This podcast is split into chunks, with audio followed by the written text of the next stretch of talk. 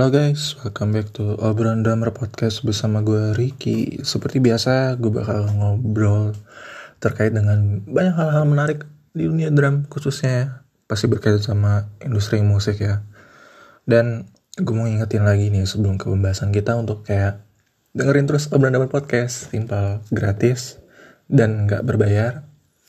Dengan cara dengerin di Spotify dan platform lainnya yang ada.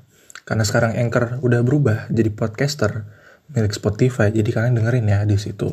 Di Spotify. Jadi udah gak ada anchor lagi. Kalau kalian uh, punya aplikasi anchor pasti berubah. Jadi aplikasi yang untuk bisa ngebuat podcast buat uh, kreator. Jadi kalian dengernya di Spotify aja ya teman-teman. Simple SD terus juga jangan lupa untuk terus uh, follow ya di apa podcastnya ini di platform mana pun. Kalau ada tombol follow ya follow gitu. Jangan sampai nggak follow karena sayang bahasannya di sini bakal terus-terusan ada gitu. Jadi support terus biar gua pribadi punya impian pengen ngundang Ray Prasetya jadi tolong dukung. Kalau misalkan itu berhasil gue kill sih. Kalian bakal dapet apa ya ilmu yang gak akan pernah kalian uh, apa ya nggak bakal pernah kalian nyesel deh gitu. Pagi Ray Prasetya kan lebih munculnya di video YouTube atau kayak acara-acara kan. Kalian bisa main apa ngeliat dia main di berbagai macam panggung karena maka itu kalian support terus nih obrolan drummer biar gue bisa ngundang-undang drummer keren ya. Contohnya Ray Prasetya gitu. Kalau bisa kan kalian punya idol luar negeri siapa tahu gue bisa ngundang ya kan? Jadi tolong terus support ya karena ini bisa nanti ngebantu gue memacu gue untuk bisa networking terus untuk bisa dapat uh, gestar-gestar yang seru abis gitu. Jadi doain ya teman-teman. Kalian cukup dengerin terus kalian praktekin menurut gue itu udah mendukung perkembangan podcast ini untuk seterus-terusnya gitu. Sampai mungkin kalau gue bisa ngomong ya kalau gue ada terus ada umur ya gue pengen terus berbuat kebaikan buat teman-teman sekalian bagi-bagi ilmu sebaik-banyaknya lewat Spotify ini gitu lewat lewat Spotify lewat podcast gue ini. Karena menurut gue nggak ada ruginya kok bagi ilmu berkah seterusnya gitu.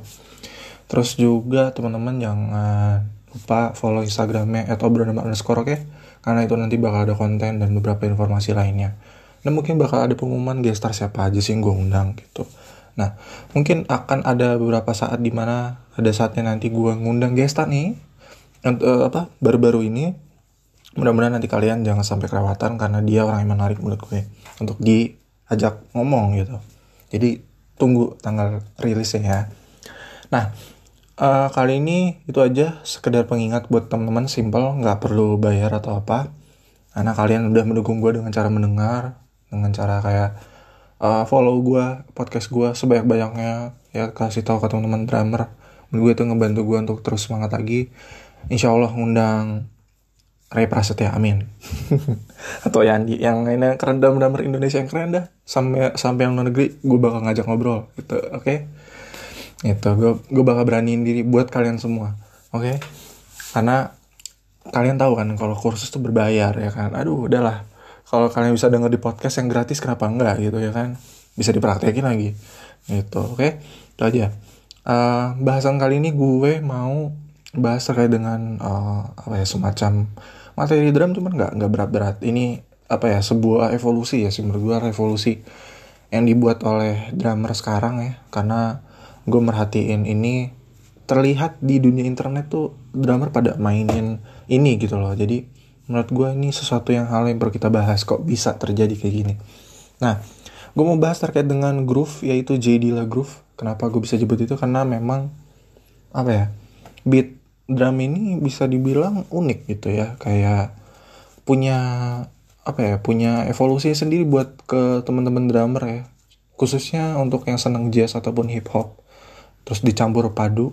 Karena gue ngeliat ya kebanyakan sekarang udah pada pakai clapstack gitu rata-rata beli gitu beli clapstack clapstack ini inilah yang mendukung uh, apa ya mendukung beat ini terjadi gitu yang awalnya cuman dimainin hi hat snare sama kick sekarang jadinya uh, bisa mukul snare pakai stack tapi yang suaranya kayak clap gitu. Jadi uh, ini sebuah penemuan baru dan sampai sekarang pun juga banyak drummer yang sekarang mencoba untuk meniru hal tersebut gitu jadi sebuah tren tersendiri di kalangan drummer gitu. Dan gue di kalangan deket-deket gue sih nih temen-temen yang gue kenal rata-rata mereka udah uh, mencoba untuk niru apa ya sound seperti itu groove yang kayak gitu gitu loh.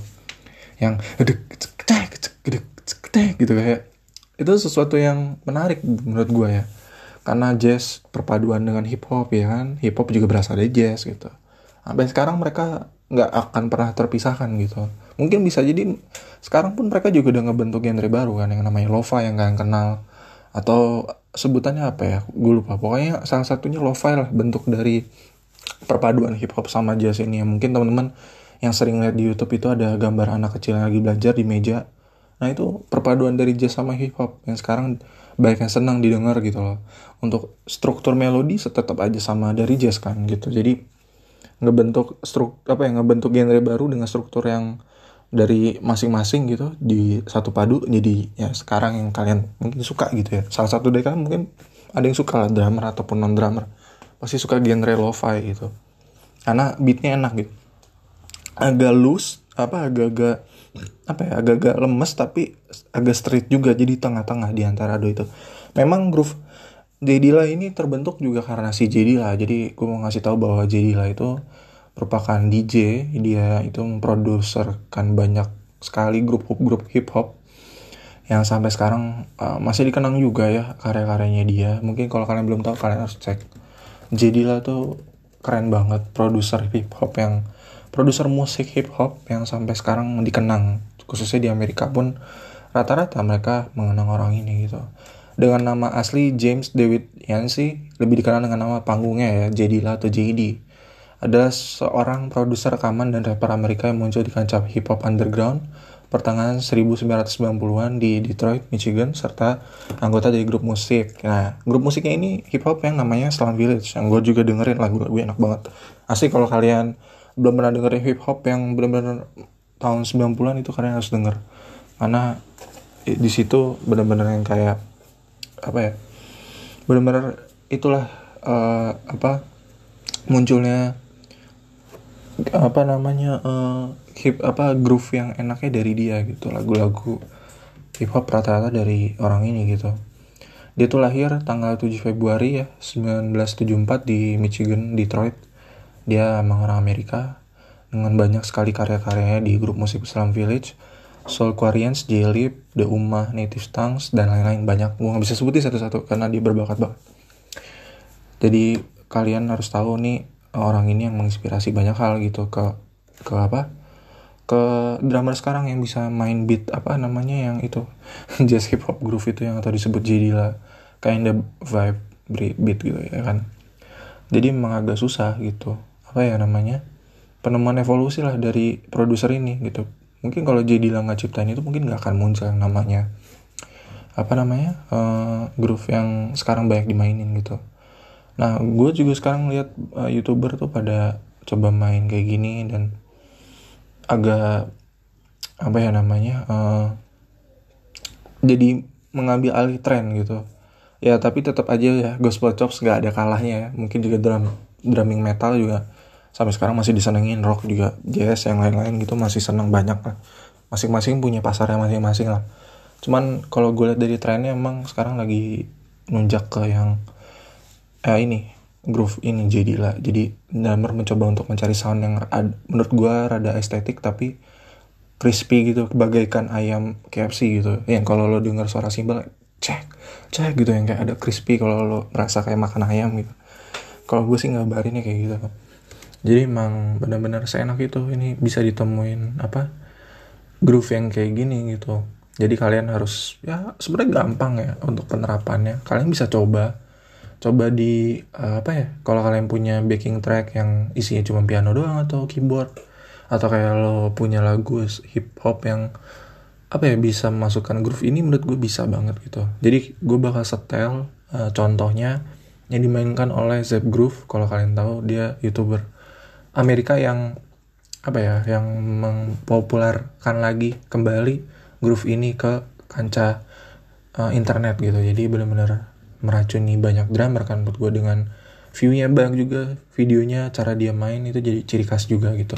Karena memang sebelum Z Groove bikin YouTube pun juga udah sekarang udah apa ada beberapa drummer yang kerja di industri musik juga mencoba untuk apa ya punya karakter seperti ini gitu nggak bisa memainkan groove ini. Nah, jadi kita dengerin yang main di IG kayak apa?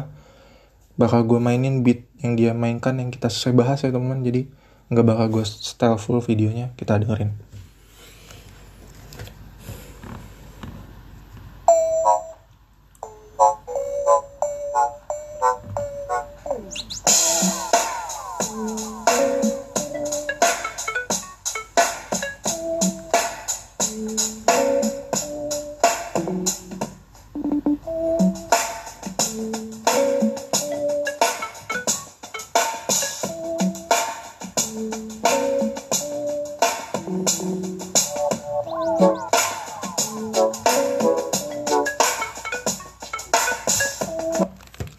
gitu teman-teman. Jadi itu Groove yang main enak banget.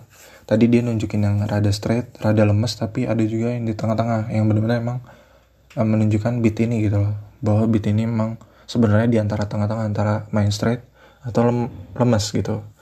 Di antara kedua itu. Kalau misalkan uh, apa main clap stack simbol nggak apa ya kayak bisa main straight bisa main lemes. Tapi kalau kalian mau main groove kayak gini memang harus di antara rasa-rasa feel yang di tengah-tengah itu gitu loh nggak terlalu lemas nggak terlalu straight tegang gitu. Jadi makanya teman-teman kalau bisa dengerin salah satu penjelasannya di YouTube yang dijelaskan oleh L.A. Buckner dia salah satu apa ya yang bikin video terkait dengan groove kayak gini kalau kalian ngerti. Jadi groove ini sebenarnya sama kayak groove lainnya. Kayak apa ya backbeatnya ada di 2 sama 4 cuman dibikinnya itu tadi harus dapet feelnya di antara feel lo mainnya secara straight atau tegang yang benar-benar yang lurus gitu atau yang lemes yang rada apa ya rada kayak orang mabok mainnya gitu. Ya agak-agak berasa-berasa triplet tripletnya gitu.